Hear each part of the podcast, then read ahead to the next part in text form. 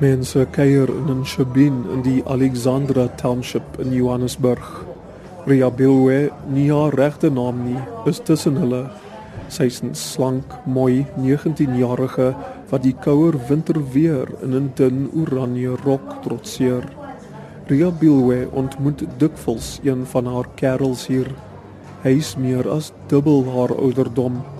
Tšhomi ya ka so a tla tsatsi le lengwe Ria Bilwe verduidelik dat seks met ouer mans soms rof is en altyd sonder 'n kondoom. Die hoof van die Section 27 sosiale geregtigheid organisasie, Mark Haywood, sê Suid-Afrika se behandeling van HIV is uitstekend, maar die land se pogings om nuwe infeksies te keer is onsuksesvol. What does it tell you about the lack of knowledge about HIV 20, 30 years into the HIV epidemic? You know, we've seen shockingly a decline in knowledge of HIV amongst young people. It's like we've taken our foot off the accelerator in certain respects. Hy verduidelik hoe nuwe infeksies plaasvind in een spesifieke deel van die bevolking. The figures suggest that over 200 young women in that age group, 15 to 24, get infected with HIV every single day. Soos Ria Bilwe is baie jong arm vroue se seksuele verhoudings in transaksie met ouer mans wat werk en dus geld het. Die mans koop vir hulle kos, klere en luksede soos selfone. Hy would sê die mans het dikwels HIV en hulle dra dit oor aan die jong vroue. Hy wil hê die regering moet 'n nuwe kombinasie van antiretrovirale middels wat as voorkomende medikasie vir HIV gebruik kan word aan jong vroue beskikbaar maak.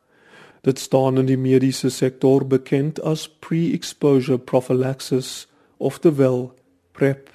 'n Daaglikse dosis beskerm die gebruiker se immuniteitstelsel se selle teen HIV-infeksie. Hy would sê die staat kan bekostig om PrEP verniet aan jong vroue te verskaf. You know, if you have literally tens of billions of rand being stolen every year out of different government departments, that's money that could be generating programs that reduce the vulnerability of young women. But there has to be a will.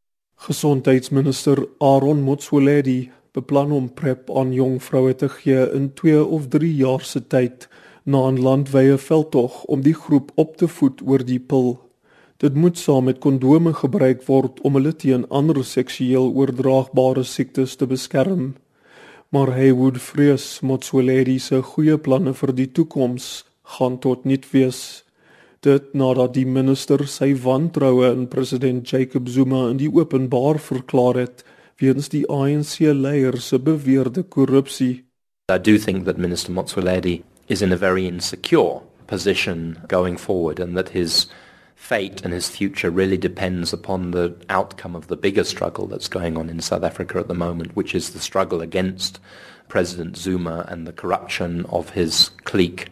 Uh, Die president en sy ondersteuners ontken dat hulle korrup is, maar verdien Zuma nie enige krediet vir sy administrasie se spandering van miljarde rande om soveel mense aan die lewe te hou met antiretrovirale pille nie.